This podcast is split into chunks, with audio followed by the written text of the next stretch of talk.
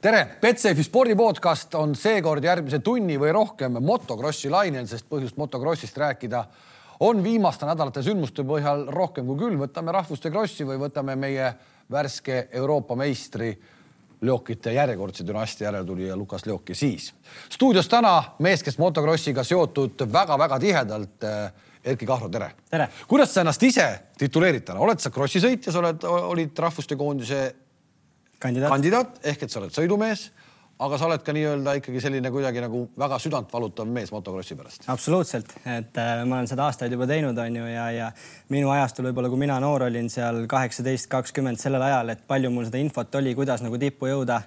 ütleme, et Tallinna pool neid mehi sellel ajal, ütleme, Leokid olid, eks ju, Lõuna-Eestis, et seal tekkiski selline lõhe, et ma näen nagu neid kohti, mis mul endal puudu jäi, et võib-olla teadlikult seda asja teha ja jõuda nagu täiesti maailma tipptasemele välja, et, et see ongi nagu selline minu missioon ka tulevikus kindlasti ja praegu juba nagu tegelen sellega, et noortel võib-olla neid neid kohti vähendada, kus neil nagu info puudub, et kuidas seda asja teha, kuigi tahtmist nagu on. põhjus, miks me sind täna kutsusime siia, tegelikult ongi võib-olla see, et äh, mitte rääkida sellisest äh, vinguvast toonist, kui halvasti kõik on. Ehk põhjust tegelikult ju väga öelda ei ole, et halvasti on. ei ole. sest et justkui jälle tuli, eks ole, Lukas Leok tuli, medal kaelas, kõik hästi. aga tegelikult, mis on motokrossi puhul aastast aastaste käinud, me räägime nagu dünastiatest, me räägime Leokite dünastia, me räägime sinu puhul isa, sõidumees, me räägime väga paljudest sõitjatest, kes on, ongi nagu perekondlikud äh, projektid ehk et äh, poissi tänavalt liiga palju motokrossi ei tule. miks see nii on? ma arvan, et äh, eelkõige me olemegi jäänud võib-olla nagu selles mõttes loorberitele puhkama, et meil on nüüd dünastiad olnud, on ju, et Leokid, nagu sa ütlesid, need no,. Kristinov, Kuusk, me võime lõputult lugeda. et ja me olemegi võib-olla loorberitele puhkama jäänud, et kaua need äh, dünastiad kannavad, et praegu on meil hästi, siiamaani veel tuleb neid peale, on ju. aga tegelikult äh, vaadates seda motokrossi nagu maailma, et kui palju see maailmas kasvanud on ja kui süsteemselt seda tegema on hakatud, siis meil on vaja seda valikupõhja nagu laiendada, on ju, et, et tuuagi tänavalt neid noori sõitma Äh, ütleme, vanemad võib-olla natuke kardavad nagu ütleme ekstreemsporti, aga tegelikult meil on võimalik nagu teadvustada inimesi, et ekstreemspordil noortel on ka palju kasulikku poolt, et kuidas inimene tuleb äh, riskide arvestamisega toime kuidas see fookus, kui, kui intensiivne näiteks motokrossi ajal ütleme keskendumine, et need asjad arendavad last täpselt samamoodi, et loomulikult seal on see ohufaktor juures, aga ma arvan, et eh, kui sa kõik elus kardad, siis saagi mitte midagi teha, et samamoodi on autoga sõitmine ohtlik, lennukiga lendamine, et, et ma, loomulikult see on julgete ala, aga, aga ma arvan, et see ei ole täpselt mitte nii halb, kui võib-olla paljud seda mõtlevad, et see.... täna istud sina siin ja räägid motokrossist. Eh, kui Tanel Liok lõpetas, käis ta meil podcast'is, rääkis ka eh, seesama, et kuidas leida neid noori tänavalt autospordiliidul on projekt Noored roolis ja talendid rajale. Ott Tänaku pilt, terve linn oli vahepeal täis, kutsus äh, sõitma, tegema. miks ma ei näe Tanel Jooki pilte igal pool ja öelnud, et davai, kross on lahe, tulge sõitma vot see on minu küsimus ka, et, et tegelikult sellega on vaja tegeleda aktiivselt, et äh, vaadates seda, mis tasemel nagu Tanel Leok on nii pikalt olnud just maailmapildis on ju, et Eestis ei saa rääkidagi, et äh, seda peaks nagu ütleme sajaprotsendiliselt ära kasutama, et meil täna veel selline mees on, et äh, igal alal on ju näha, et kas võtame rallist, et kui Ott Tänak tuli, et kui palju seal nagu seda populaarsus riigis tõusis, et täna meil võib-olla sellist kirgast tippu ei ole maailmas, aga, aga seda, mis Tanel Leok oli ja, ja veel täna ta ikkagi nagu tegev on, on ju, et seda tuleks ära kasutada ja noortele kindlasti seda asja nagu lähemale tuua, et tekitada sellest nagu mingisugune selle vastu huvi on ju, et, et see on äge asi, mida teha. täna on, täna on äh, motokross ilmselt äh, võrreldes, ma ei tea, ajaga kui Aavo Leok võitis äh, MM-etappi, muutunud sada, kakssada, kolmsada protsenti, see on tänaseks nii välja timmitud profisport, kui see üldse olla saab. niisama nagu lihtsalt minna enam ei ole võimalik ja võita, on see nii? See on nii jah, et eh, kui me vaatame just seda tehase tiimide poolt, siis eh, milline see panus ja pingutus on, kui suur on ühe tiimi personal ühe sõitja jaoks. et võib-olla see on ka see, miks me täna oleme nüüd viimase paari aasta jooksul nägema hakanud, et enam tehase tiimid ei hoia kolme-nelja meest ka, et on kaks meest et üle selle väga ei minda, et, et, et see personali jätkuks, et seal on mõnikord raja ääres ühe tehase tiimi mehe jaoks kümme inimest, kes on,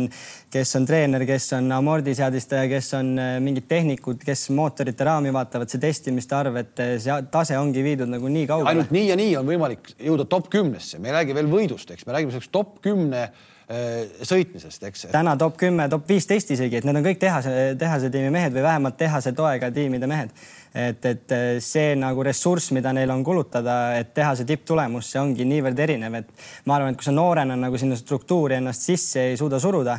siis üksinda nagu seda vahet tagasi sõita, kui sa lõpuks näiteks hiljem seal isegi saad sinna kuskile, ütleme tiimi, et see on nagu suht võimatu, et sa pead nagu noorest saati kasvama selles. kuidas siis, kuidas siis suruda ennast, kuidas üks Eesti poiss surub ennast siis? täiesti suvaline, jätame praegu, jätame Lukase kõrvale, Lukasel on ikkagi nii-öelda nimi taga ja ise kõva mees ka onju, aga tuleb keegi, ma ei tea,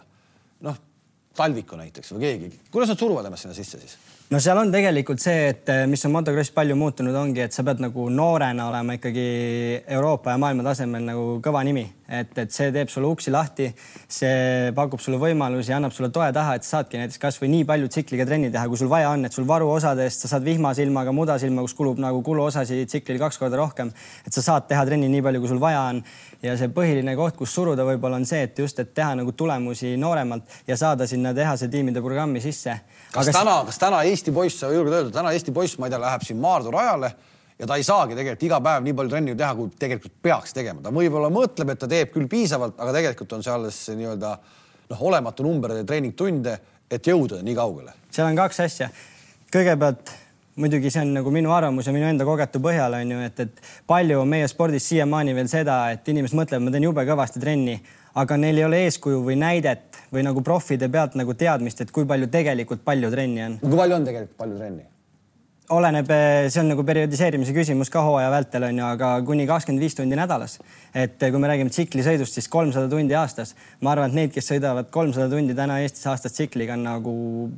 väga vähe kakskümmend viis tundi nädalas hõlmab siis, üks asi on tsiklisõit, teine asi on seal... ikkagi ettevalmistus, füüsiline ettevalmistus.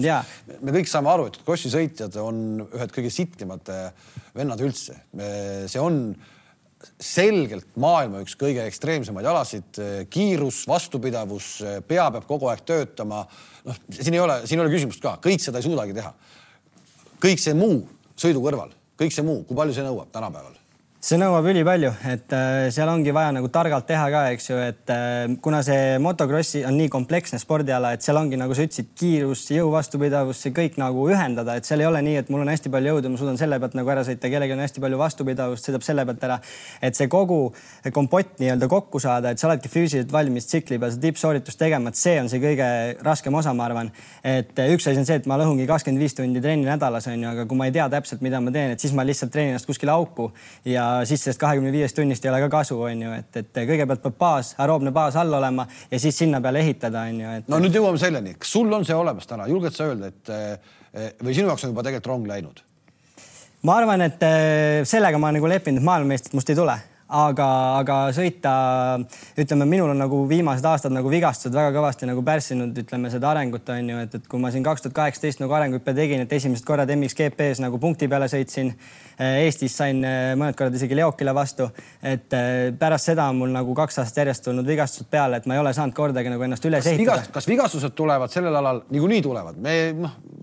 võib-olla mõned krossimehed ei taha väga, et nendest räägitakse, onju, aga nad tulevad niikuinii. kas väga õige ettevalmistusega väiksest pea, noorest peast juba ka füüsilise poole pealt on võimalik neid viia miinimumini? Ma arvan, et viia miinimumini on neid kõige tähtsamad sõidu tehnilise oskusega, et kui hea su tehnika on, et kui hästi sa oskad tsikli peal olla mismoodi sa talid seda tsiklit, et see on nagu kõige olulisem, aga loomulikult füüsilise treeninguga samamoodi on võimalik, et eh, kui sul ikkagi luu peal liha ka on ja ole vastu, vastupidavustreeninguga ennast täiesti ütleme luukereks nii-öelda treeninud on ju, et siis loomulikult see keha peabki paremini vastu igasugustele kukkumistele, asjadele ka. et see on ülioluline faktor, et ma arvan, et see on üks ainuksi viise, kuidas me saame üldse nagu vigastusest hoiduda, on eh, hea ettevalmistus. nüüd me jõuame selleni, et Eestis on loodud, ma olen kuulnud eh, seda Team Estoniat. kas Team Estonia ümber on kogu see taustajõud täna olemas, ma pean silmas siis medpool, äh, füüsiline ettevalmistus, isegi võib-olla mingi psühholoog, ma ei tea, on see olemas seal või ei ole? see on väga algfaasis, et sellega alustati tegelemist, et, et see on ikkagi algfaasis, et võib-olla seda läbinähtavust selles programmis või seda on ka nagu natuke vähe olnud, et aga see Äh, kaks aastat tagasi ma sain nagu Eesti Föderatsiooni asepresidendiga kokku, rääkisin talle sellest ideest, kuna ma olen nagu nii palju erinevates maailma kohtades äh, reisinud krossi pärast, on ju, sõitnud erinevates sarjades ja näinud nagu seda siseelu, et siis mul oli nagu tekkinud enda peas mingi mõte, et kuidas see tugisüsteem tippudele võiks nagu toimida. ma rääkisin talle sellest ja ja, ja talle see idee kohe muidugi meeldis. Mulle isegi pakuti, et tule seda projekti vedama, onju, aga kuna ma ise polnud spordiga lõpetanud ja täiskohaga panustada sellesse ei olnud aega, siis ma ütlesingi, et ma võin nagu olla juures nõustada ja anda neid mõtteid edasi, et üks asi on see, ma räägin teile plaani ära, te hakkate tegema, aga kuidas see reaalselt peas nagu käima lükata, on ju, et, et see on ka nagu tähtis. aga täna nagu kuidagi see kontakt on ikkagi jäänud olematuks, et tegelikult mind nagu sealjuures ei ole olnud, et, et ma ei oska nii palju seda siseelu seal kommenteerida praegu. aga ometi äh, selle jutu põhjal ma saan aru, et meil on mees olemas, siin istub minu vastas, kes oleks valmis seda asja südamega tegema, et äh, kui sa nii-öelda sõitmise lõpetad või? Absoluutselt, et see on selline minu südamele väga lähedane teema, et ma just räägin nagu enda karjäärist ja, ja sellest ka, et see, mis puudujääke on olnud, et tahaks tulevikus, et noortel neid asju ei tuleks, et need, see tahe oli olemas, see, see võidutahe, see tegemise tahe on nagu olemas ja noortel on seda, aga just see, et kuidas seda teha, eh, on nagu ülioluline ja seda teadvustavat tööd teha nagu sõitjatele, et kuhu panustada. samas võib-olla mõnel noorel, noorel on eelarve olemas, aga et investeerida ka iseendasse, mitte ainult, et sul oleks parimad jupid tsiklitele küljes, et sul oleks kõige ägedam eh, sumbutaja tsikli küljes. kõva kiivridisain. jah, et, et pigem investeerida ongi, et noored, et peale vigastust kasvõi kulutada see aeg kaks kuud käia füsioterapeudi juures, taastuda nendest asjadest täielikult ära, käia spordimassööri juures, käia regulaarselt spordiarsti juures, et see on nii oluline osa spordi tegemise juures, et seda teadvustavat tööd oleks vaja kõvasti teha. näed sa täna, et et äh, mõni selline noor, kes hakkab pead kandma just taolistel põhjustel, on äh, kaduma läinud. no mulle meenub üks nimi, Endre Vesilind oli siin, kellest räägiti päris palju, Jussi Laansoo vist võttis ta enda hõlma alla. on tast täna midagi saanud või ei ole? minu teada on ta täna selle motokrossiga lõpparve teinud. ongi kõik, eks? Kas seal on, no okei okay,, alati ei olegi nii, et, et kuskilt võib vahel juhtuda ka nii, et lihtsalt isu saab täis, et ma ei tea, mis Henri puhul oli, aga põhimõtteliselt see mees on kadunud, eks? ja, et seda on raske nagu ei ole seda siseeluga nii kursis, et öelda, et miks just see nii läks. aga kindlasti selline, ütleme seda kamba vaimu on ka Krossis vähe, on ju, et koondis käiks koos treeniks, kasvõi need kandidaadid on ju samamoodi noortekoondis, et, et seda on hakatud tegema, aga see peaks nagu olema ka väga professionaalselt nagu tehtud selles suhtes, et, et see kamba vaim tekitada, et noortel nagu üksipäni teha Räägi, on raske see on tegelikult, ma arvan, ma ei tea muud krossi maailma, ma ei tea, aga see on üldse eestlaste puhul väga nagu öelda tavaline, et koos midagi teha on jube keeruline, sest ei tule mitte midagi välja. Krossi puhul, vaadates vahel raja ääres neid eh,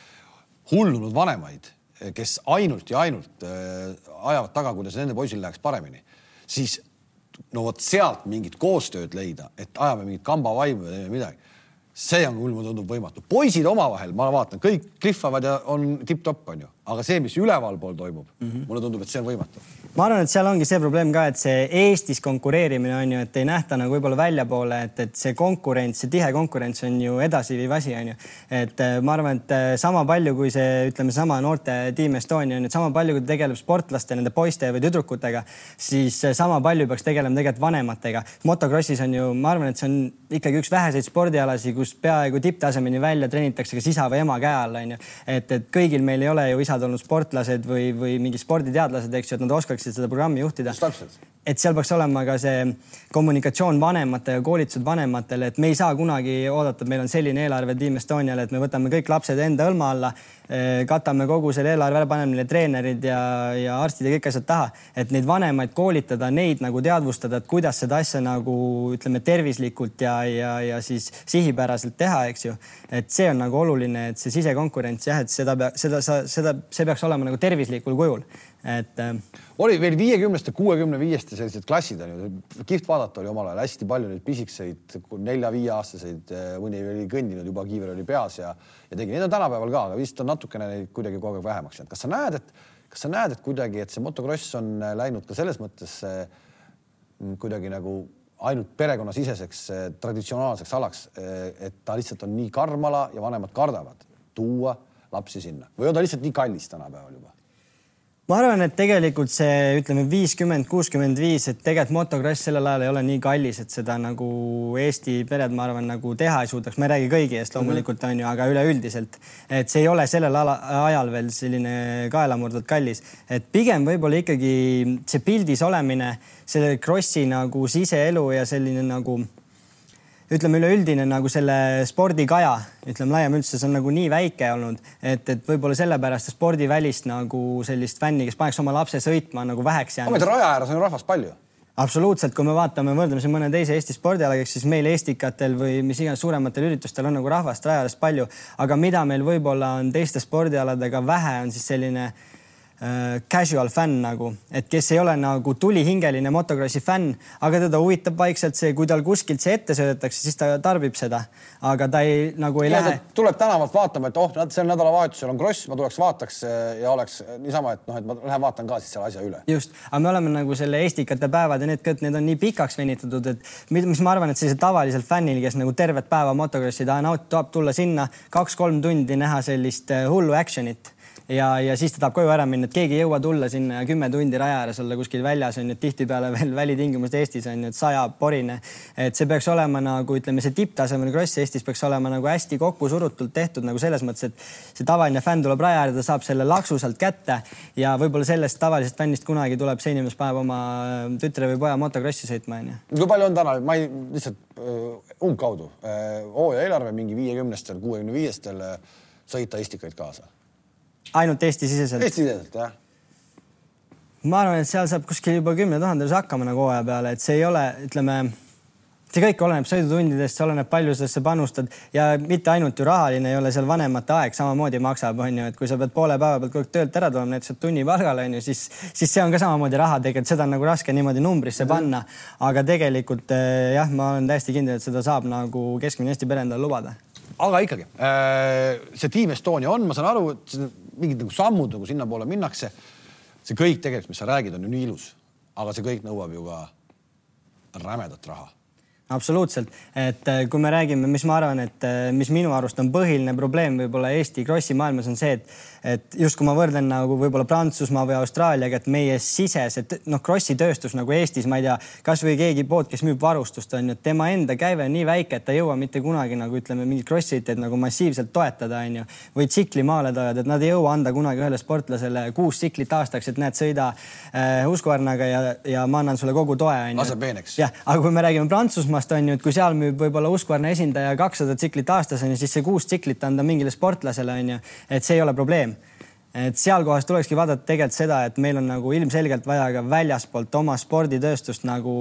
toetajaid saada. et eh, lihtsalt meie oma tööstuse peale või Eesti. kes see tuleks, kes see, kuidas see on, sa mõtled väljaspoolt eh, et, Eesti ettevõtteid? ei, väljaspoolt eh, ütleme, ma ei tea, Krossi tsiklite maaletoojaid, Krossi riiete maaletoojaid, Krossi poode, et sealt oleks oluline nagu rahastust taha saada, et, et ma arvan, et sealt tekib siis selline võime, kus me lõpuks saame nii palju raha kokku, et suudab ka midagi sportlastele pakkuda. no see tegelikult on selles mõttes eh, noh, üldse Eesti spordis me kõik teame, on toetamine ikkagi metseenlus, et sealt nagu ikkagi antakse sinna, antakse sinna, kus ise oled teinud, sul on mingi emotsionaalne side sellega ja nii edasi. noh, Krossis, oleme ausad, ma ei tea, võib-olla kindlasti on tublisid Krossi sõitjaid, kes on mingid täna suurettevõtjad, kindlasti on, aga paratamatult käib Eesti Krossiga kaasas mingis mõttes see taak, et selle ümber olev seltskond, vaidle mulle vastu või mitte, on olnud omal ajal kaunis, kaunis kirju seltskond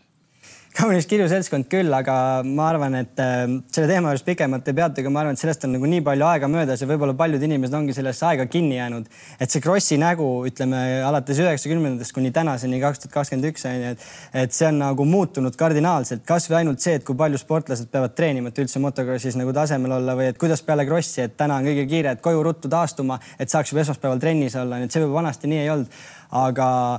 jah, selles mõttes võib-olla see Krossi mainet on vaja nagu natuke puhtaks ka pesta, et, et me oleme tõsised töömehed ja see on nagu selles mõttes äh, korralik töömeeste ala on ju, et, seal ei ole lihtsalt mingit sellist äh, pidu siin ja pidu seal, et see on ikkagi jah, seal peab pühendunud sportlane olema selles suhtes. no seda küll, me jõuame sellest nagu nii-öelda Krossi mehe füüsisest ka hiljem rääkida, aga kui ma vaatan näiteks sinu särki on ju, sul on siin väga palju igasuguseid toetajaid peal, et äh, et kui lihtne või kerge, kuidas see käib siis ikkagi see nii-öelda ise käid ukselt uksele, ajad oma eelarvest kokku? ma olen ja seda ise tegelenud, aga ma, mul oli ka aastaid-aastaid, kus ma nagu ei saanud seda eelarvet kokku kogu aeg, iga hooaja lõpp, et isegi kui hooaeg läks hästi, ütleme näiteks mul kaks tuhat kaheksateist on ju, et, et Eestis ma olin Leoki järgi teine eestikatel, Soome meistrikad võitsin, MM-il sain punkte MXGP klassis, aga hooaja lõpus mul ei olnud sellist hetke, kus sponsorid sajaksid uksest sisse, tahame, tahame seda või seda anda, et järgmine aasta saaks nüüd järgmise arengusammu teha. et iga aasta oli ikka hooaja lõpus see, et kas ma suudan üldse jätkata, eelarve, kus ma olen omadega, jälle raske jätkata, kas ma üldse jätkan, kas suudan teha, onju. et aga mingi hetk ma hakkasin nagu teistpidi selle asja peale vaatama, et igal nagu ma arvan, et on äh, vähemalt äh, kolme, kui mitte äh, rohkem tüüpi sponsoreid, et kes mida tahab, okei okay osad sponsorid mul kindlasti on siit lihtsalt mingisugused spordi või minu lähedased tuttavad, kes lihtsalt nagu toetavad sellel eesmärgil, et mul spordis hästi läheks või et mul elus üldse hästi läheks, onju. siis on mingid toetajad, kellele lihtsalt läheb kross korda, ütleme, tahab keegi varustust müüa, toetab mind varustusega, onju. ja siis kolmas sponsor on see, et kes tegelikult tahab mingit reklaamprodukti saada näiteks, et siis mul tuligi selline idee, et see, et kuna Eestis keegi ei teinud ka, siis äh, hakkasime nagu Krossi elu vlogima ja näitama seda telgitagust ja üldse tooma lähemale nagu inimestele, mis üldse see Kross nõuab. ja tegelikult, äh, kui mul, mul oli see alles idee ja ma ei olnud seda veel teinud, aga juba siis see paljude sponsoritega toimis, et ma rääkisin sellest ideest, et mida me hakkame tegema ja mis produkti me toodame, et see läks neile korda ja ma sain. see, see, aga see on, see on kahtlemata on see kõva asi ja ma arvan, USA-s, kus on kross üsna populaarne, hästi makstud tegelikult, see turunduspool selles mõttes on ülikõva.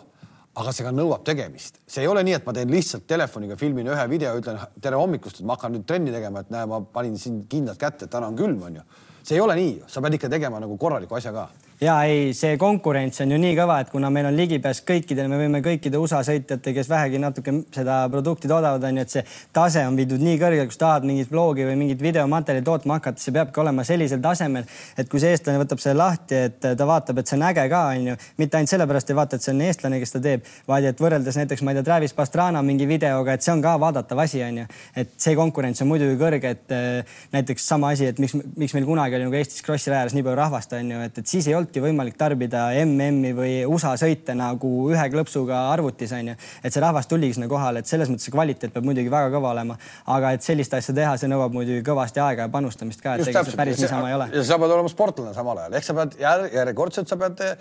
tiimi palkama endale mingisuguse produktsiooniettevõtte, kes seda teeb, eks. noh, Team Estonia puhul mulle tundub, kui ma praegu otse mõtlen niimoodi, siis kui üks mingisugune punt teeks kogu Team Estoniat, oleks juba oluline kokkuhoid, aga nad, nad suudaks seda teha. Ma arvan küll, et suudaks, et äh, sportlastelt võtab see, ma arvan, et põhiviga, mis praegu sportlastel ongi, personalipuudus on igas eratiimis. Ütleme, et kui me räägime erasõitjatest on ju, et seal ei ole piisavalt mehaanikut, mingit meedia inimest, kes teeb seda poolt, eh, mingit kommunikatsiooniinimest on ju, et need ongi puudulikud, aga kui Team Estonia ütleme, toodaks oma sportlastest sellist produkti, mis näitabki seda siseelu just, vot seda inimesed tahavad näha, et meil on võib-olla sellist tuima krossi intervjuud, kus lihtsalt küsiti, kuidas sul sõit läks, on ju, räägi natuke rajast, nii edasi, nii edasi, aga sellist tavalist fänni see nagu ka väga ei huvita, on ju, et nad tahavad sellist intriigi, võib-olla mingit siseelu, et neid küsimusi, mis küsitakse. see peab olema aus, see peab olema aus. see peab olema aus just. ja näitama seda nagu huvitavast küljest ka, et, et võib-olla Krossi fänn tahab teada, mitu soont kuskil hüppesse minnes oli, onju, aga tavaline fänn tahab rohkem teada võib-olla, et kuidas sa oled taastunud sellest eh, viimasest kukkumisest, et kui palju sa see nädalavahetus suutsid protsentides anda endast, onju, et näiteks see esimene koht tuli, onju. et sellist nagu siseinfot rohkem nagu välja pinnida sportlastelt ka, et kindlasti, kui me seda alustame, on see algul nagu selline läbinähtavus tekitada sportlastele, see on algul nagu raske onju, et me oleme harjunud, et me oleme siis kuskil nurga taga, teeme oma asja, siis käime võist-. nii ei saa, inimesed tahavad näha, mis toimub, sa pead olema kogu aeg olemas onju, et ei ole nii, et saad kuskil vigastada läheb võistlustel halvasti, siis sa kaod nagu ära onju, et sotsiaalmeedia on, eks ju, inimesed ootavad sult infot onju. et sa pead sellega arvestama tänapäeval sporti tehes, et sa ei saa kuskil ära kaduda. ma arvan, et see Team Estonia nagu see meedia pool võiks olla küll, meil on nii ägedaid sportlasi onju ja seda isiksust nendel sportlastel, et äh, ja see samamoodi see ala on ju nii turundatav, et see on ju äge asi on ju vaadatav, et äh, sealt nagu toota ja sinna panna inimene, kes nendest sportlastest nagu seda sisevärki toodaks, et see kindlasti on teema nagu kahtlemata see nii on. Äh, noh, kui me läheme sama teemal praegu natuke jätkame, siis kui me võtame neid hetkel MXGP nagu päris tähti on ju, siis noh, täiesti loogiline on, et nad kõik kogu aeg tweetivad, nad kogu aeg on nii-öelda pildis isegi kui nad ei häbene oma neid nii-öelda haavu näidata, mis on ja, ja, ja, ja see ongi vaata, et kõik, kõik sellised vaadatu, vaadatumad asjad, eks tegelikult paratamatult see on, nii on, eks. ehk et see, see peab, see peab, eh, see peab kaasa tulema. Eh, meditsiini pool samamoodi, eks, ma ei tea, võtame sinu näite, sa oled eh, sõitnud nüüd tänaseks ikkagi tipptasemel, sa tulid Eesti meistriks juba kaks tuhat neliteist oli vist, eks yeah.? MX kaks klassis. MX kaks klassis, jah. et, et noh, ikkagi sõitnud tipptasemel aastaid ja aastaid, aastaid. sinu kõige suuremad vigastused no õlavigastus kaks tuhat viisteist, et see oligi üks selline võib-olla, kus mul oli tegelikult juba välisleping, nagu ma pidin kolmapäeval lendama Inglismaa lepingut allkirjastama, läksin teisipäeval Eestis Viljandisse trenni ja kukkusin õlaliigesest välja. Et see oli nagu selline minu karjääris suur pauk, aga jah, et sellel hetkel nagu see taastumine, et millised arstid üldse nagu kellega kontakteeruda, et sa läksid ikkagi sinna tavainimese järjekorda on ju, aga sportlasel mul oli siis näiteks selleks ajaks jäänud hooajani kolm nädalat et nagu sel hetkel ei olnud aega, onju. loomulikult see vigastus osutus lõpuks nii tõsiseks, et ma olin lõpuks üheksa kuud spordist väljas, onju. aga, aga just see kont kontaktid, mis mul näiteks enda nende vigastuste läbi on arstidega tekkinud, onju, et sa saad kellelegi helistada, keegi vaatab sind kui sportlast. ehk täna on sul eh, te telefoninumbreid, arstide numbreid isiklike kontaktide kaudu. Eesti tipportopeedid. kõik on olemas jah, on olemas, et aga need ongi enda kogemuste põhjal, mitte et see mingi uhkuse asi on, et mul on vigastus öelda, ma olen selle saanud, eks ju. aga lihtsalt see, et eh, need suhted on vaja luua, et, et, et kui see sportlasel midagi juhtub, et siis ta saab otsekontakti, ta saab kohe löögile, et võib-olla mõnikord on mingi selline vigastus, et eh, ütleme, sportlane ootab seal kolm päeva ja läheb trenni enne võistlust onju, aga võib-olla kui viis päeva oleks oodanud onju, oleks see asi korras olnud, aga kolme päeva pärast teeb selle asja nagu hullemaks. Et siis peabki olema keegi inimene, kes vaatab sellise nagu pilguga peale, kes jagab asja onju ja ta ütleb, et näed, et sa pead nii kaua ootama siin, et ära mine veel tegema või mine tee veel harjutusi, enne kui sa lähed rajale, onju. et äh, see on nagu ülioluline, et sa saad otsekontakti ja saad kohe selle asjaga tegeleda. julged sa täna öelda mõne nime, kes nagu äh, motokrossi mehi võiks nagu täiesti südamerahuga, sa ütled, et see vend Eestis motokrossi mehi, nende vigastusi, seda tausta teab, teab une pealt ja ta võiks olla meil koondisarst? Ma ei tea, kui une pealt ta teab, aga selles mõttes äh, kindlasti, kui me räägime krosside vigastust on ju, siis äh, igasugused õlaliiges, eks ju, noh, esiratas läheb ju tihtipeale alt ära, et sa, kui sa surud seal kiirust mm, -hmm. eks ju, et see on põhiline, mis nagu seda pidamist hoiab, on ju. et äh, ma arvan, et mind isiklikult on aidanud väga palju Madis Rahu, mind on aidanud Kristo Kask, et neid mehi on ja võib-olla krossisitadel endal on selline nagu mingisugune arvamus, et, et äh, meie spordist ei peeta lugu või midagi. tegelikult, kui mina olen suundunud nende inimeste juurde või jõudnud mingite kontakti läbi, siis nad aitavad super hea meelega ja nad võtavad seda ise ka nagu kui challenge'it, et, et aidata sportlast kiiresti rajale tagasi on ju, et võib-olla julgemalt nagu neid suhteid luua ka. et tegelikult võetakse sporti ikkagi tõsiselt ja, ja neid inimesi, kes tahavad aidata, on kindlasti olemas. no tahaks loota me seda juttu praegu rääkides ei tea, kuidas läks Eesti rahvuste, Eesti koondise rahvuste krossil. neljandat kohta nad sinna noh, loodetavasti kaitsma ei läinud, et ikkagi paremini sõitma, kuigi neljas koht tundub iga aasta ulme, kui nad sellega tagasi jälle tulevad, eks. no tundub ulme, midagi teha ei ole. nii on. nüüd eh, paar päeva me räägime ennem eh, rahvuste krossi toimumist. Eh, kui me räägime absoluutsest tipust, siis palun seleta praegu mulle lihtsalt ära, kuidas on võimalik, et see rahvuste kross toimub sellisena, nagu ta see aasta toimub. ütleme ära, kes kursis ei ole, tavaliselt on see alati hooaja viimane võistlus, nii-öelda maailmameistrid on selgunud ja siis on veel selline creme brûlee sinna peale, see rahvuste kross. nüüd on järsku nagu keset hooaega on rahvuste kross ja pärast seda läheb mm edasi. see on täiesti, mina julgen öelda, see on täiesti ajuvaba tegelikult selles mõttes, et kui me mõtleme, et me tahame sinna saada sõitjaid peale MM-i hooaega, peale Ameerika meistrivõistluste lõppu, et need mehed tulevad sinna rahvuste kross on ju üks eraldi üritus, on ju, et, et me ei saa oodata, et kõik MM-i mehed tulevad rahvuste krossile keset hooaega ja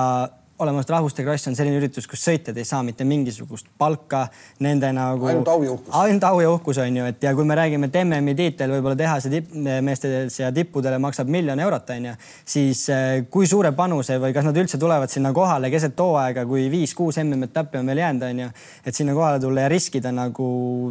selles mõttes nende jaoks olematu võistlusega onju. et, et äh, minu jaoks on see küll väga imelik, et see niimoodi sätiti, see on natuke selline nagu surutud nagu teema, et, et teeme nui neljaks ära, aga mis see kvaliteet nagu lõpuks on, onju. näed sa kuidagi nagu äh, motokrossi tervikuna, kui sa räägid, et Eestis natuke nagu ei,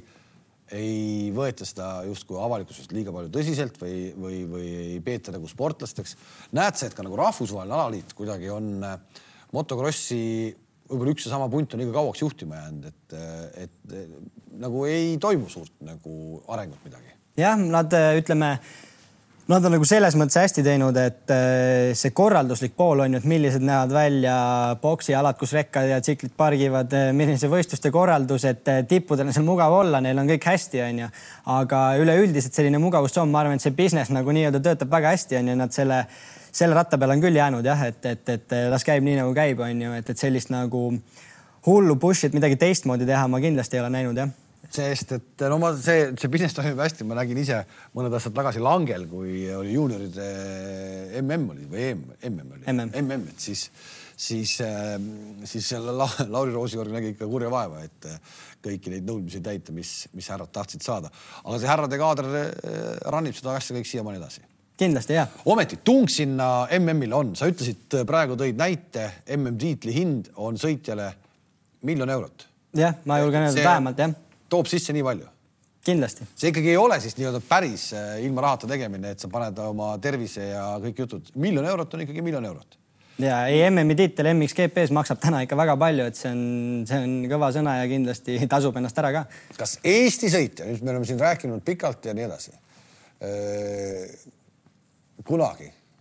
võiks üldse mõelda, et ta tuleb maailmameistriks? muidugi võiks, et meil sellist nagu motospordi talenti ja sellist nagu ütleme, eestlaste sitkust sellel alal, et kui me räägime, mida üks sõitja peab ühe kolmekümne viie minutise MM-sõidu jooksul nagu läbi elama mentaalselt ja füüsiliselt onju, sellist sitkust nagu eestlastel kindlasti on. et muidugi see on nagu aastatega elu läheb ju mugavamaks onju ja noortel ka, et, et seda on vähemaks jäänud, aga kindlasti ütleme, ega muus maailmas väheneb see samamoodi onju, et, et eestlastel kindlasti on see võimalik ja nüüd, kui nagu ütleme seda Tanel Leoki kontakti ja kõike seda ära kasutada, meil on nagu värsket, ütleme seda meest, kes on just selle asja nagu läbi teinud ja seal sees olnud, tema need kontaktid ja asjad ära kasutada, onju, ja, ja targalt seda asja teha, siis äh, MXGP tipptasemel sõit on kindlasti võimalik eestlastel. aga miks Tanel Jook ei tulnud maailmameistriks lõpuks? MM-etappe võitis küll, aga maailmameistriks ei tulnud. sitkust ei saa öelda, et tal ei olnud. no sitkust ma ei julge öelda üldse, et kogu MM-sarjas kellelgi rohkem on olnud kui Tanel Jookile, et see aga võib-olla nagu ma kuulasin ka tema enda podcast'i on ju, et võib-olla just see iseendasse investeerimine, et, et tal võib-olla ei olnud need kõige, kõige paremad, kõige lähedasemad või sellised nagu ütleme, tema jaoks kõige tähtsamad inimesed enda, enda sellises pundis kogu aeg on ju, et ta ei võtnud endale oma treenerit kaasa, ta ei võtnud oma mehaanikut, keda kõige rohkem tahtis. et võib-olla see natukene, et ta võib-olla ka sellel hetkel, täna ta teab, kuidas oleks paremalt teha, sel hetkel võib-olla teadnud. et aga täna tema saab ju seda noortele edasi anda, et näed, et kuule, sa hakkasid esimene kord nagu palju palka teenima, on ju, et, et panusta sinna ka, panusta enda tervisesse, panusta enda tulemustesse niipidi, et, et, et ära lihtsalt hoia seda raha, et kui sa praegu panustad, siis võib-olla viie aasta pärast sa teenid hoopis rohkem raha, on ju. et see, see pool temalt kindlasti, ma arvan, tulevikus nagu Eesti tippudele, ta suudab seda infot edasi anda nagu. kui palju selliseid šaakreid kohe ümber tekib, kui keegi hakkab nii-öelda mõtlema, et ma investeerin nüüd nii ma investeerin, no sa ju ei saa päris lambist seda teha, sa pead ikkagi kuidagi saama mingid inimesed, keda sa usaldad ja et seda ütleme, USA-s on eriti nagu palju sellest räägitud ka selles krossi maailmas, et, et tekib kohe, ütleme, nad hakkavad sportlased palju teenima, onju, tekib kohe ümber selliseid nii-öelda man friend'e onju mm, -hmm. et äh, kõigile pead seal midagi maksma, aga kõik nad ainult kiidavad sind, ütlevad su väga hea, väga hea onju. et see punt peab ikkagi väga selekteeritud selles suhtes olema ja ta ei pea üldse suur olema, et seal kolm-neli inimest piisab tegelikult onju, tiimi poolt on nagunii ka mingi personal onju, et äh, et see muidugi tuleb väga ära selekteerida, aga just see ongi, et kui sa tead ja näiteks ongi, et endine tippsõitja Tanel Jook sulle nagu tuleb, nõustab, et näed, et võib-olla sul sellist inimest on just vaja, onju, et palka see või otsi endale selline või oskab isegi kedagi soovitada, onju. et siis see sportlane teebki parema valiku ka. kui täna tuleks keegi sinu juurde, mingi, ma ei tea, noor isa ütleb, et hakkame tegema, davai, hakkame tegema, poiss on siin, ilgelt tahab, hirmsasti tahab. kust sa peale hakkad? No kõigepealt tuleb nagu, ma arvan, et alustada paarinädalasest treeningtsüklist, et kus sa nagu vaatad üldse, et kus maal ta omadega on kui no, muidugi oleneb ka, kui noor ta on, on ju, et, et see kõik loeb, aga tuleb alustada ikkagi, kui ta on noor, kui me räägime noorest, et ta ei ole veel MX2-s ega MX1-s on ju, et ta on ikkagi kuuskümmend viis, kaheksakümmend viis. kõigepealt ikkagi tehnika pool, et alustada tuleb sealt, et sõidu baastehnika paika saada, on ju ja siis hakata alles edasi vaatama, et eh, millised võistlused, kui palju võistluseid aastas, et nagu järk-järgult seda arengut ja sellise nagu pikaajalise arengumudelit kasutada, on ju, et, et laps staarist tihtipeale ei tule nagu tipptasemel tegijat, on ju, et aga. seda, seda ma tahtsingi öelda, seda ma tahtsin neid lapsstaare on päris palju, on ju. -hmm. aga siis saab see kaksteist, kolmteist, tekivad esimesed raskemad vigastused, valus, värgid, särgid. juba on päris paras patakast raha sinna investeeritud aga kui ta ei taha lõpuks, ta ei taha lõpuks no.. vot seal ongi, et see emotsionaalsus ka vanematel, kes nii palju panustavad, on ju, seal tõuseb ju see emotsionaalsus enda osakaal seal, palju sa panustad sinna, see tõuseb nii kõrgeks, et see emotsionaalne pinge tekibki. et eh, kui isa treenib, poegad on tal veel mehaanik, eh, treeninglaius autojuht, kõik asjad on ju, et hommikust õhtuni tegeleb sellega on ju, et siis see emotsionaalsus läheb nii suureks, et tihtipeale sõitjad võib-olla tunnevadki seda pinget ka, et kui ma nüüd ei tee, on ju, et mis ma siis isa jaoks nagu kodus olen, on ju, või kes ma olen, et kui, kui väärtuslikuks mind üldse peetakse, on ju, et seda nagu seda nagu tuleb kindlasti ka, mis ma rääkisin ennem, et vanemate see teadvustamine asjast, eks ju, et kuidas seda teha ja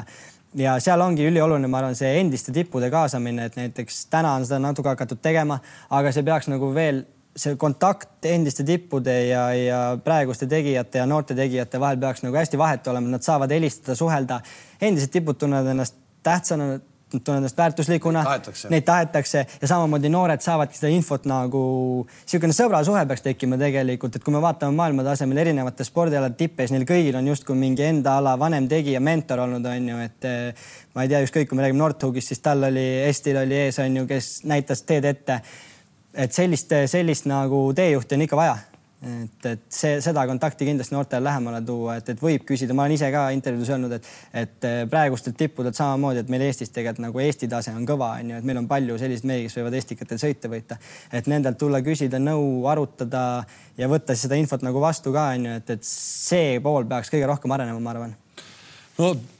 Tann ise on öelnud ka, et üks asi on siin Eestis sõita ja võita radadel, kus on kõik tuttav ja nii edasi, aga teine asi, noh nagu ikka minna ja lüüa ka välismaal äh, uks lahti ja lihtsalt kõige noh, näide ongi see, et sa lähed ja võidad selleks. Äh, kas sa näed praegu, et, et Aigar Leok näiteks teeb kõik asjad õigesti,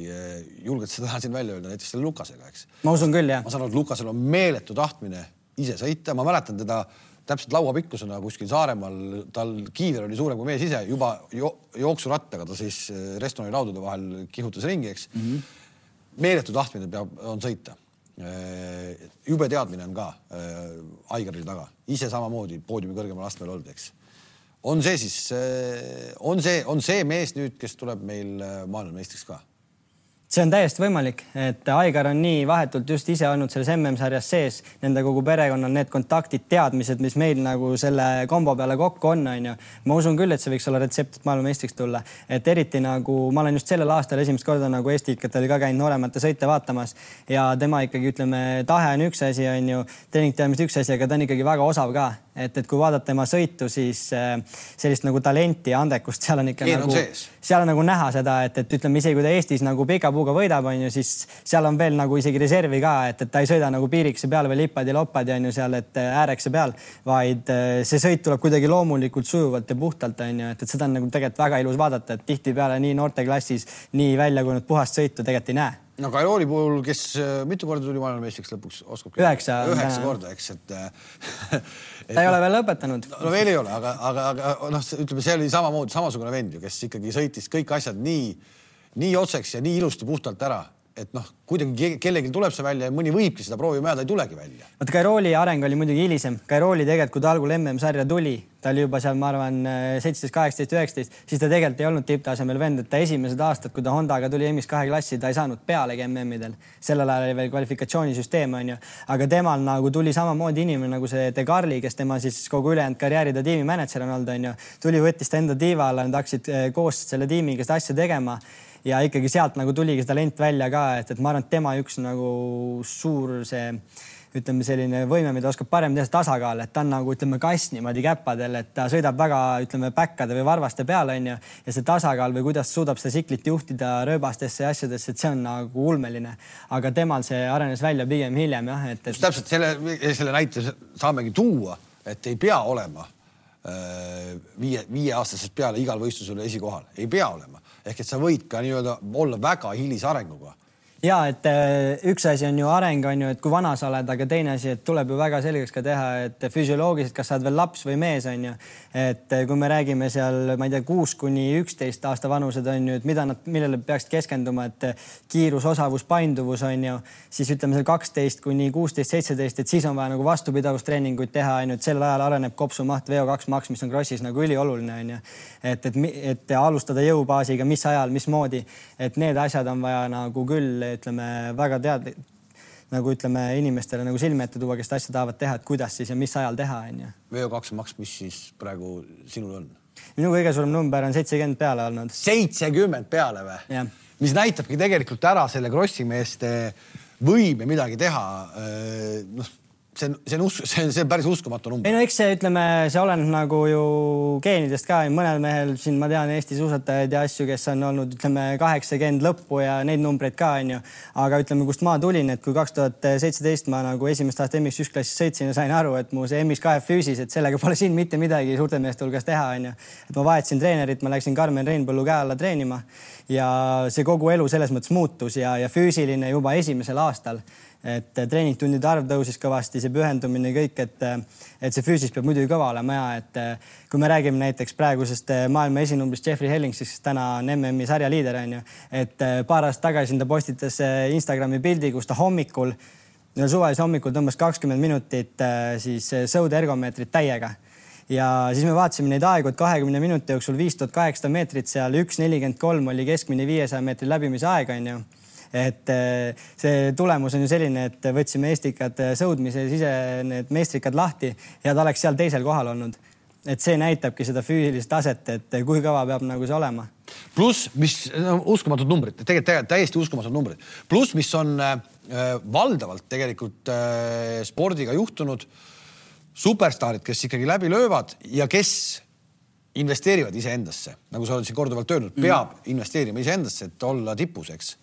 Siis äh,, siis ka Krossis mulle tundub nii, et äh, ei ole enam nii, et su karjäär kestab kaheksateistkümnendast eluaastast kahekümne kolmandani, kahekümne viiendani ja siis sa oled juba nii palju võitnud äh, ja, ja siis ongi juba vigastused ja kõik muud jutud. ehk tegelikult see keskmine vanus krossi sõitjal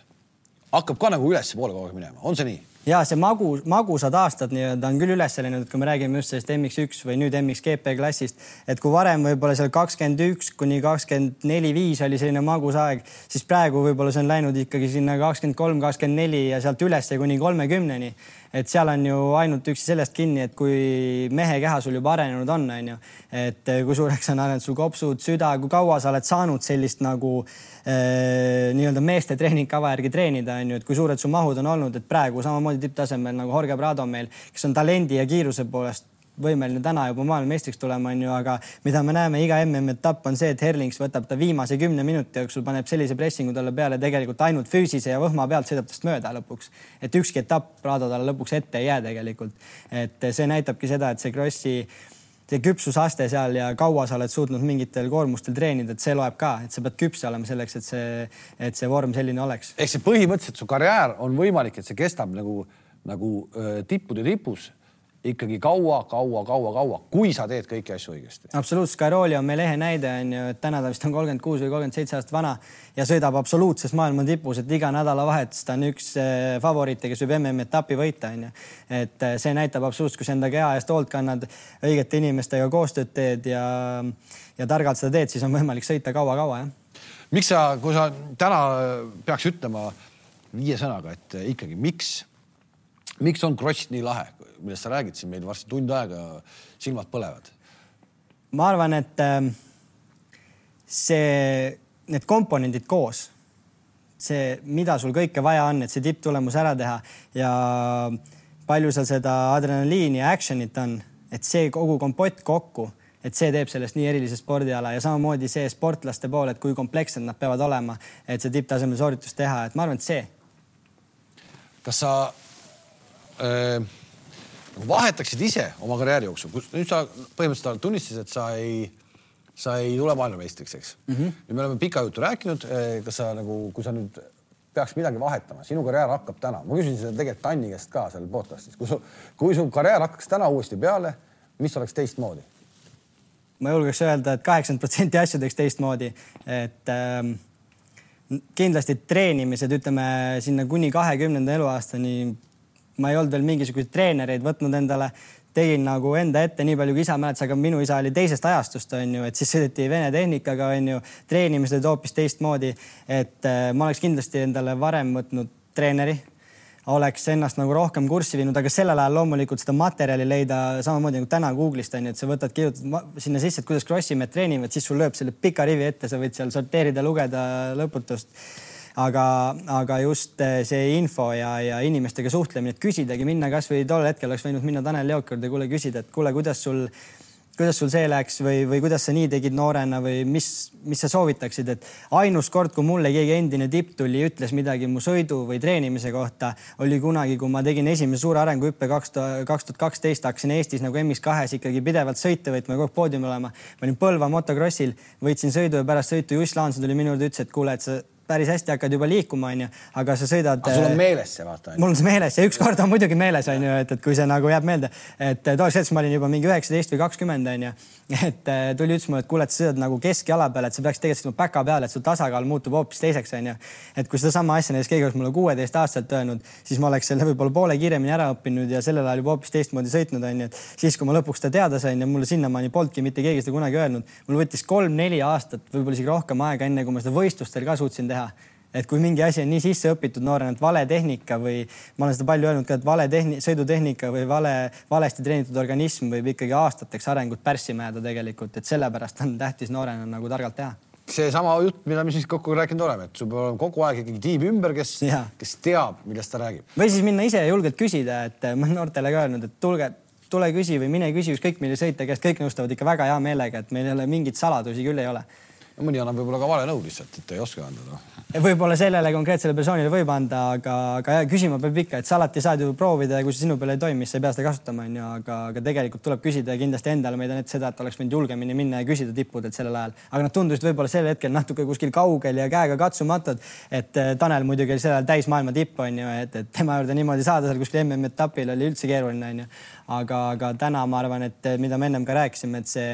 võib-olla see Team Estonia föderatsioon alaliit peaks nagu tegelema sellega, et need profid oleks rohkem kättesaadavad noortele, et nad tuleksid, räägiksid, äh, annaksid võib-olla mingid kasvõi mingeid siukseid konverentse või mingisuguseid äh, koosolekuid pidada, kus nagu rääkida noortele, et mis üldse vaja on teha, mismoodi, et sellesse panustada, et nad oleksid lähemal noortele. kuule mind hakkas ikkagi huvitama see VO2 maks seitsekümmend, et äh, see on päris uskumatu, see on suur number, midagi ei öelda. räägi, kuidas sellise asjani jõutakse, milline, milline on siis Karmeni treeningplaan krossi sõitjale, ütleme hooaja ettevalmistuse juures, kus tehakse ära kõige raskem töö? ma räägin kõigepealt võib-olla algusest, siis no. kui me alustasime, et ma sain Eesti Specialistiga sponsordiili rattaga, ma rääkisin, et mul on vaja nagu trenni teha rattaga, Krossis see on nagu väga popp. et äh, ja. tavarattaga? ja tavarattaga, et see on siis maastikuratas, maanteeras, mul oli mõlemat vaja, onju, et, et et esiteks, miks jalgrattatreening on nagu hea, on see, et sul nagu skelett puhkab, vaata Krossis sa saad nii palju seda impact'i kogu aeg, eks ju, et kui sa ujud või ratas sõidad, siis sul tegelikult skelett puhkab ja saad võib-olla Krossi treeningtundide arvu selle arvelt tõsta, onju. aga me alustasime ja siis tegime esimese selle Vomaxi testi onju ja, ja me nägimegi ära, et mul nagu seda kannatamist seal punases tsoonis istuda oli nagu ulme palju, et ma see kassi hing nii-öelda sees onju, aga aeroobset põhja polnud absoluutselt et esimesed äh, kolm kuud, kui me treeninguid alustasime, siis ma matkasin, jalutasin, jooksin. kõndisid, sinusugune mees ka juba kõndis lihtsalt. ja jooks-kõnd oli nagu põhiline ja rohkem kõndi kui jooksu esialgu. et äh, kahe-kolme, isegi nelja tunni kaupa lihtsalt sellist põhja ladumist, kuna see oli olematu, ma olin aastaid treeninud niimoodi, et võib-olla kõige pikem trenn oli tund aega aga seda põhja polnudki olemas, on ju, et sinna peale ehitada siis mingisugune öö, ütleme, terav tipp on ju, mille pealt sooritust teha, et kui põhja pole, siis see pudeneb koost ära, on ju. et öö, jah, tema treeningkavad. kui vana sa olid, kui sa hakkasid sellega tegelema? Karmeniga treenima. siis ma olin kakskümmend, kakskümmend viis sa olid kakskümmend viis, kui sa said aru, et sa tegelikult sul põhja polegi, eks? sa olid ilgelt enda arust silmgrillis krossi sõitnud, onju. ei, ma olin kõike trenne teinud, aga ma olin noh, selles mõttes eh, mitte täielikult, aga mingis mõttes valesti Nii. teinud, onju, mitte keskendunud õigetele kohtadele. et äh, siis minu jaoks see võib-olla see treeningmaht oligi nagu kõige suurem erinevus, mida ma varem teinud olin, et äh, olidki seal lõpuks viisteist kuni kakskümmend viis tundi nagu treeningtunde nädalas onju, et see oli täiesti uus asi algul oli raske seda kõike vastu võtta ja, ja keha algul kohe võib-olla ei tallunud ka nii hästi koormusi, onju, aga mida rohkem ma edasi seda tegin, seda rohkem ma nägin, et sinna peale lõpuks annabki ehitada seda, kui sul see põhi olemas on, onju. et äh, treening. tuim päev... rutiinne töö tuim rutiinne töö, et see must töö nii-öelda tuleb ka sportlasel ära teha ja just eh, siis sellise eelhooajal, et kus veel eh, isegi võib-olla sõidutrenni nii palju ei tehta, siis sa saadki laduda rohkem muud trenni, et teha endale see põhi alla ja sinna peale siis ehitada, et loomulikult, kui sõidutrenn meil on ju nii intensiivne, et seda me ei saa kakskümmend viis tundi nädalas, pole üldse võimalik, on ju, et, et, et ühe sõidu korral, kui sa lähed trenni võib-olla poolteist, kaks tundi nagu maksimum, mis üks keha suudab krossi sõitu vastu võtta, on ju, et ähm, aga kui me räägime Crossfiti päevast, siis äh, kaks-kolm trenni päevas on täiesti tavaline. hommikul alustad mingisuguse soojenduskardioga, jooks, ratas, sõuda, ergomeeter, mis iganes. Lähed päeval, Crossi trenn kestab ikkagi raja ääres oleks neli-viis tundi, et mitte, et sa kogu aeg sõidad, on ju, aga see ja õhtul lähed veel võib-olla jõusaali või teed mingit lõigutrenni. et ähm, too hetk, kui ma seda tegema hakkasin, siis mul tekkis nagu väga hea kontakt ja side äh, sellise mehega nagu Pekka Vehkonen, kes on endine Yamaha tehase tiimi sõitja, tuhat üheksasada kaheksakümmend neli aasta maailmameister on ju, sada kakskümmend viis seitse klassis. et temalt ma sain ka nagu palju seda infot, et äh, mis üldse see kõva trenn nagu tähendab, ma arvasin juba varem noorena, et ma teen nagu hullult kõvasti tööd, onju. aga see tunduski mulle sellepärast, et ma ei teadnud, mis see päriselt nagu hull treeningkoormus on, onju. et äh, sinna jõuab ikkagi ja et see ei ole ka ühe aasta projekt on ju, et, et ennem läks aastaid äh, aega, kui ma jõudsin. no toome veel näiteid, rattasõit, sa ütlesid kaks ratast, maantee, palju siis rattakilomeetreid koguneb? no ütleme, kui täishooaeg, et krossi ka sõidad palju, siis ikkagi sinna kolm kuni viis tuhat kilomeetrit tuleb kindlasti, kui mitte rohkem. et viimast aasta mul võib-olla vähem olnud, sest mul on mingi hetk hooajas olnud selline vigastus, kui ma pole ratast ka saanud sõita, on ju, et aga kui täishooajast rääkida, siis viis tuhat pluss kilomeetrit kindlasti. jooksu üle tuhande kilomeetri sõidutunde kakssada, kolmsada, oleks nagu ütleme, see on nagu ideaalne see mudel on ju, et, et, et need nagu omavahel ühendada, kokku panna see treeningkoormus, siis sealt tuleb ka see tulemus, ma arvan lõpuks. jooksu üle tuhande kilomeetri, see on ikkagi täitsa arvestatav. Või maratoni jooksma minna küll maratoni, ma arvan, minna jooksma küll, aga ma arvan, et Krossi sõitjale isiklikult sobib paremini poolmaraton, et see on lihtsalt meie tüüpi pingutus rohkem, et kui me räägime maratonis väga ka vaja jooksma, siis Krossi sõitjal võib-olla nii suurt baasi, et seal seda tulemust nagu võib-olla välja näidata, kui kõvad tegijad me oleme, onju, et seal on võib-olla raskem, aga poolik on küll selline, kus sa lähed ja vajutad selle eh, poole, pooliku distantsi nagu täie põhjagaasiga läbi, onju, et see on nagu ma arvan, see, milles Krossi mehed säraksid. oled säranud? Ma, ma ei tea, kui nagu ma ei ole käinud väga palju rahvaspordiüritustel, aga eelmine aasta ma käisin äh, elus esimest korda läksin äh, suusamaratonile. ja, ja, ja läksin siis sinna poolikule distantsile. see oli siis äh, Tartu maratoni poolik? ei, see oli Tammsalus, see oli äh, vabas stiilis. ja Tammsalus siis ma ei mäleta täpselt selle maratoni nime praegu, aga panin kaheksandaks seal. et noh, tehnikat pole, onju, kui ma seal pundis, kus ma sõitsin tempo oli nii kõva, onju, et nemad tõukasid kaks korda nagu sammu pealt, onju, ma panin oma selle jõu pealt lihtsalt sealt ühe, ühe selle tõukega, onju. aga ma suutsin selles pundis püsida ja tegelikult enda jaoks, et seal oli, ma ei mäleta, seal oli ikka kõvasti, ma ei tea, kakssada või rohkem osavõtjat selles klassis onju. ja ütleme kõik, kes mul ees olid, et seal mingid tuttavad ka vaatasid, need kõik mingid endised suusatajad või mingid ikkagi kõvad nagu võhmaala sportlased onju. et selles suhtes nagu seda tuhhi ja kindlasti krossi meestel on ja seda võhma ka, et sellist asja teha aga kas ei ole nii, et nagu me siin rääkisime ka, et kõik need teadmised, sa ütlesid, et sul võib-olla omal ajal ei olnudki, aga see ongi arenenud kõik viimaste aastatega, kogu see asi, et, et see läheb, et see ongi läinud nii peeneks, kogu see, see teema ära. mitte ainult tehnika poole pealt, vaid ka just seesama ettevalmistuse poole pealt. võta oma isaaegne aeg näiteks, eks, et see oli hoopis midagi muud, ega tal ei olegi seda teadmist, sest tol hetkel ei teinud maailmas mitte keegi niimoodi. kogu see maailmakross, no üldse sport, eks ole, ta ongi läinud nii teaduslikuks ja et äh, meil on nagu kaks sellist nime spordimajas, üks Euroopas, üks Ameerikas, on äh, Ameerikas Ricky Carmichael ja Euroopas Stefan Everts on ju, et nad hakkasid tegema nagu selles mõttes äh, motokrossi nagu hoopis teistmoodi, kui sinnamaani oli tehtud, nad olidki kakskümmend neli seitse täiskohaga atleedid, neil olid füüsilise treener, sõidutreener, et see kogu pakett pandi kokku, on ju, ja sellepärast nad mõlemad ka kümme aastat seda sporti täielikult valitsesid, on ju, et keegi teine ei suutnudki ligilähedast tulemust teha aga täna justkui see tase, miks on võib-olla ühtlustunud ja on aetud see veel peenemaks, ongi see, et nüüd on see info ja ligipääs kõigil olemas, on ju, aga et nüüd sealt seda ütleme lisa ühte protsenti saada või kuidas teistest parem olla, et seda on raskem otsida, sellepärast on ka peenemaks läinud, onju. et minul äh, isa sõitiski täisel, täiesti teisel ajastul üldse Vene tehnikaga, et seal liidukoondises käidi laagris küll, aga et.... kõik olid jube, kõik on kõvad mehed, alati, mulle alati meeldib nende vanade krossimeeste, üleüldse vanade spordimeeste juttu rääkida, kõik olid noh nii kõvad mehed, kui üldse võimalik on. no muidugi no., aga ja selle peal, sellel ajal võib-olla ainult selle tuhhi pealt seda ala tehtigi, onju, et, et saadi kokku ja pandi võidu lihtsalt ja aga jah, et sellest ajast üle tuua kasvõi kontakte või treeningteadmisi oli nagu ülikeeruline, sest see kõik muutuski kardinaalselt, onju, et, et selle koha pealt pidin jah ise õppima, et kuidas treenida, kuidas kelle juurde minna, et küsida, kuidas see asi käib ja see oli kindlasti mulle keeruline ja see oleks võib-olla see tulevikus, mis eh, minu panus oleks nagu sporti ka või mis tagasi anda nagu sellele ongi see, et teadvustada ja teha seda tööd, et eh, teistel oleks natuke lihtsam selle koha pealt. rääkimata siis loomulikult ka tehnikast, mis täna noh, kui siin võib mõned aastad tagasi sai öeldud, et noh, et võta tehase pill on ju. Eh, ja põhimõtteliselt tehase pilliga võid sõita päris kõrgele kohale, noh, nipet-näpet seal muudad täna vist enam nii ikkagi päriselt ei ole või? no MX GP klassis ütleme sellist asja, nagu meil kunagi võib-olla oli, et äh, Soomes oli niisugune mees nagu Tabani Pitkänen läks, äh, aastat ma nüüd täpselt ei oska öelda, aga ma arvan, see mingi kaheksakümmend, et läks äh, MM-etapile mees metsast Soomes on ju, üldse MM-i kaasa ei sõitnud, läks pani ajasõidu kinni, võitis sõidu on ju. et sellist asja, et täna isegi top viieteistkümnesse ühtegi sellist meest nagu ei tule, kes kuskilt metsast tuleb ja läheb, sõidab MM-i ennast top viieteistkümnesse, rääkimata top kümnest või edasi. et eh, see tipp on ikkagi nii terav, et, et sinna nagu lihtsalt lambi pealt mitte keegi ei saa sõita. Krossi tsikkel pealtnäha tundub ju, Krossi tsikkel nagu ikka, okei okay,, ta natuke areneb, noh, aga no on ikka ju noh. ütleme, tavainimesele võibki tunduda, mis see tehase ja erasõitja tsikli vahe on, et tehase meil läigib natuke veel rohkem see tsikkel on ju, et iga sõit pannakse uued disainid ja plastikud külge. aga just see, et kui ma olen siin suhelnud näiteks äh,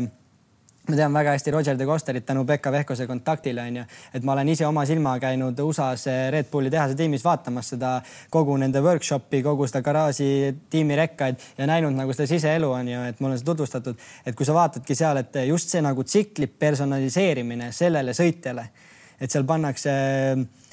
mis iganes nagu vaja on raamis, ütleme USA-s on natuke rohkem piiratud see kui Euroopas, siin saab nagu eriti meil on nagu prototüüpide sari põhimõtteliselt, et sa võid mida iganes tsikliga teha, onju, et, et. lõputult. just nagu raamiga meetmed kõik tuunida selles suhtes onju, et, et loomulikult kubatuur on määratud, seda sa ei või nagu teha, et see on juba petmine onju. aga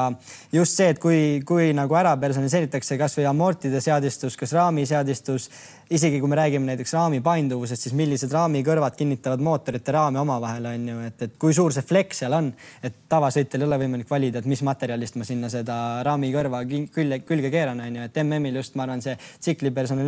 personaliseerimine personaliseerimisele sõitja järgi, et see on nagu kõige rohkem, mis seda vahet nagu tekitab, ütleme erasõitjal ja neil on lõputu ressurss tehas toodab meile võib-olla kolmkümmend erinevat äh, tsikli osa, näiteks räägime tagamordilingust, mis muudab nagu tsikli kõrgust äh, tagumist osast onju. et kui neil on kolmkümmend varianti, millist erinevat proovida, siis neil on veel eraldi tehase testisõitjad, milleks oli Tanel Leok ka onju. et äh, kolmekümnest ta sorteerib võib-olla kümme välja ja siis see tippsõitja veel proovib neid kümmet onju, valib sealt enda järgi välja. sama nagu ütleme suusa määrdemehed, eks ole, valmistavad suusad ette, sõitja valib suusa välja lõpuks. et nad isegi nagu teevad seda sõela veel väiksemaks, et annavad sinna võib-olla viis või kümme linku ette onju, sealt valibki see tippsõitja lõpuks välja onju, et muidu see on lihtsalt liiga ajakulukas töö, kui võib-olla Jeffrey Erings hakkaks nüüd kõike seda kolmekümmend no, eh, juppi eraldi testima onju, et aga jah, et eh, ja või kui ma suhtlesin näiteks praeguse Uskvarna tehase tiimi mänedžeri Anti Pürhasega, siis äh, just suhtlesime selle koha pealt, et mida võib-olla nagu oma käe peal paremini teha või kuhu panustada tsikli osas on ju, siis ta ütles ka, et, et näiteks noh, lõpuks nagu naersime nii-öelda selle vahe üle, ta ütles ka, et meil siin tehase mehed, et me vahetame sadulasvammiga iga tunni tagant, et neil oleks tagumikku tunnetus tsikli peal sama, et kui nad võistlustsikli peal istuvad, onju. et siis neile ei tunduks istumise alus. kõlab absurd. kõlab absurdselt tavasõitjale, ma sõidan võib-olla kakskümmend, kolmkümmend, nelikümmend tundi ühe sadulasvammiga onju.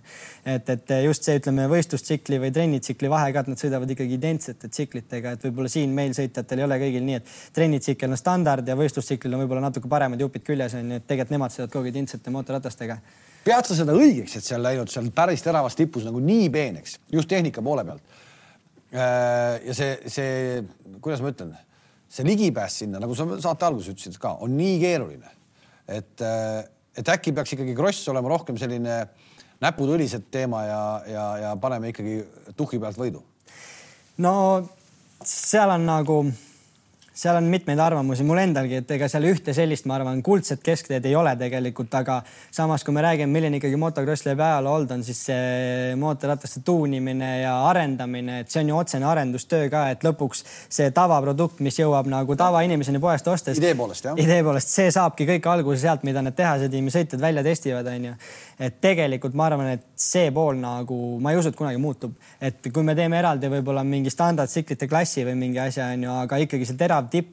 Ikkagi inimesed tahavad näha nagu ütleme, kui Krossi fänn näiteks kasvõi mina ise vaatan MM-i onju, ma ei taha näha seal, et Erlings, ma ei tea, mingisuguse nõrga tsikliga seal veereb kuskil lainete vahel, sa tahad näha ikkagi, et ta paneb selle neljasaja viiekümnese, võtab sellest täiesti maksimumjõu välja, hüppab seal kolm-neli auku korraga üle, teeb mingeid imepäraseid asju onju, et seda ju. seda ohtu ei ole nagu autoralli WRC sarjas, et lõpuks on see nii kallis, et tootjad vaatavad, et aga kurat, mul ei ole seda vaja ja, ja, ja täna on, me teame, kõik teame, WRC sarjas on täna ainult kaks tehase tiimi, kaks ja üks on äh, siis nii-öelda eratiim kaasas. ehk Krossis täna see olukord veel nii hull ei ole, aga ikkagi, kas on, kas sa näed juba mõni lööb käega? ma käega selliseid tehasetiime küll, pigem neid tekib praegu juurde et äh, kui me võrdleme Krossi või rallit, siis see rahasummade vahe on ikkagi nii erinev ka onju, et. kuigi turud ei ole, noh, turud on ju ütleme, tsikli, tsikliturg on tegelikult ikka ammendamatu kohati mingites riikides. aga just ma mõtlen nagu see tehnika arendamine või see, et kasvõi trennide tegemine või arenduste tegemine tsikli, et see on ikkagi summade vahe on nii suur onju, et, et täna ma küll sellist efekti näinud ei ole, et nüüd ainuke asi, mis on võib-olla ütleme pigem eratiime kurnanud, on see, et eh, siis see Youthstream või tänaseks Infront, eks ju, see spordialast, kes promootor on MM-sarjal onju, et ta on viinud MM-i nii mööda maailma laiali, et erasõitjad või eratiimid ei jaksa seda reisimist ja seda kõike kaasa teha, et see on pigem võib-olla see pool, mis nii kalliks on läinud, et see pigistab kõri just võib-olla erasõitjatel, eratiimidel nagu kinni. aga ikkagi on, et sealt hakkab vaikselt nagu pudenema, et see, kui vanasti oli seal, ma ei tea, Poomi taga oli seal eh, nelikümmend eh, ja, ja välja jäi veel sama palju, siis enam seda tungi nii suurt ei ole sinna või? ei ole ja see süsteem on ju muutunud ka, et täna meil ei lastagi starti üle neljakümne mehe, et äh, see on nagu nende see kontseptsioon on olnud selline, et nad valivad nelikümmend meest välja, onju, maksavad hooajamaksu või ühe etapi maksu ära ja siis saad garanteeritud finaali ka, kus, aga vanasti mm oli selline, et sinna võis hommikul sada meest kohale no minna. ja kvalifikatsioonis sõitsid nelikümmend. kumb on lahedam, kumb on lahedam? selle koha pealt, et kõigile võrdseid võimalusi anda, kindlasti vana süsteem, et äh, loomulikult äh, on hea näha sporti, kus on see nelikümmend stardipuud täis, täna meil on MM-etapp, et nad küll ei ole osavalt seal petavad ära, et panevad heinapakke sinna stardipuud, lasevad stardipuud alla ja panevad sinna heinapakid reklaamid ette, onju, et justkui stardipuu on täis. Aga ütleme, päris Krossi fänn saab ju aru, et, et kui seal kuskil äh, ma ei tea, Türgi või kus iganes etapp on, on ju, et eh, kui seal on nagu ütleme kümme-viisteist mm venda, ülejäänud on kohalikud harrastajad stardis, et siis see hakkab natuke nagu sellist farsi kuju võtma, on ju, mis, mis asi seal toimub, on ju, et Euroopas lähed MM-etapile, et sõita kahekümne, siis, siis on veri ninast välja, siis samas mingisugune harrastaja kuskil Türgis võtab MM-punkte, on ju. et eh, selle koha pealt küll see vana kontseptsioon on parem, et just see igaüks saab minna kohale ja siis selguvad seal need paremad nelikümmend meest on ju, et, et top mehed saavad nagunii finaali, see ei ole ju probleem ja meil vanasti oli ka, et top kümme oli nagunii finaalis MM-i siis punkti arvestuses on ju. et äh, ma arvan, et äh, see süsteem, ma ei usu, et see eluks ajaks niimoodi jääb, et äh, kindlasti kui me vaatame Ameerikas täna on ju, siis seal on ka teine süsteem, seal on ikkagi see vanakooli süsteem, et, et seal saavad kõik kohale tulla ja seal ongi puu on kogu aeg täis, ma ei ole mitte ühtegi Ameerika etappi näinud, kus neljakümmend meest stardis oleks, on ju. et üleüldine tervikuna sport kindlasti võidab sellest, kui me sellise süsteemi uuesti suudame luua. MM-etapp Eestis võiks olla mingi mõte, ma saan aru, et äh, lange kannataks välja küll äkki või ei kannata või? ma usun, et kannataks küll selles suhtes, et aga ütleme, eks see Infront on oma ütleme äri edendamise käigus teinud selle promo või ütleme siis kohalikule korraldajale nii raskeks ja kulukaks onju, et tegelikult eh, nende enda panus sellesse, et see etapp nagu väljas, nad on selle miinimumini viinud, onju. ja siis eh, kogu selle ürituse maksavad kinni siis see etapi korraldaja ja sõitjad lõpuks onju, need erasõitjad peavad osavõtumaksu maksma, onju. korraldaja. autoralli Rally Estonia läheb riik appi, millal Krossile tuleb riik appi? See on hea küsimus, ma arvan, et sellel hetkel, kui me nagu enda spordist rohkem seda mainet tõstame, selle sporti rohkem pilti saame, et maine tõstmine on ülioluline, ma arvan, et kui palju sellest lugu peetakse, kui palju sellest kuuldakse, kui palju see inimesi huvitab. et sel hetkel ma arvan, tulebki, kui me oleme nagu enda spordi samme edasi viinud. no igal juhul, kui selline mainekujundaja on nagu Erkki Kahros, siis eh, ma usun, et asjad lähevad äh, paremuse poole. ma küll ei näe tulevikus sul mingit muud ametit kui seesama spordidirektori amet eh, Team Estonia juures. eks seda näitab aeg, aga kindlasti oma panuse, olen ma see spordidirektor või ei ole, et oma panuse kindlasti ma annan sinna ja olen seda valmis juba täna ka tegema, et. aitäh, et tulid ja Krossi juttu rääkisid. loodetavasti siis eh, Eesti motokross praegu tegelikult päris heas seisus, oleme ausad tegelikult on, on heas seisus. et Eesti kohalik tase ka, et meil on Estikatel, ma arvan, et läbi aegade üldse kõige kõvem tase, et kui palju meil neid mehi stardis Estikatel on, kes võivad sõidu võita, et sellist asja, et kuus-seitse meest, kes on nagu võiduvõimelised, ei ole olnud. et see on, ma arvan, väga heal tasemel ja võib-olla seda kirgast tippu, et ma arvan, et me näeme seda enne, pigem varem kui hiljem. nii on. aitäh, et tulid, aitäh, et vaatasite. kohtumiseni ja külastage siis Krossi võistlusi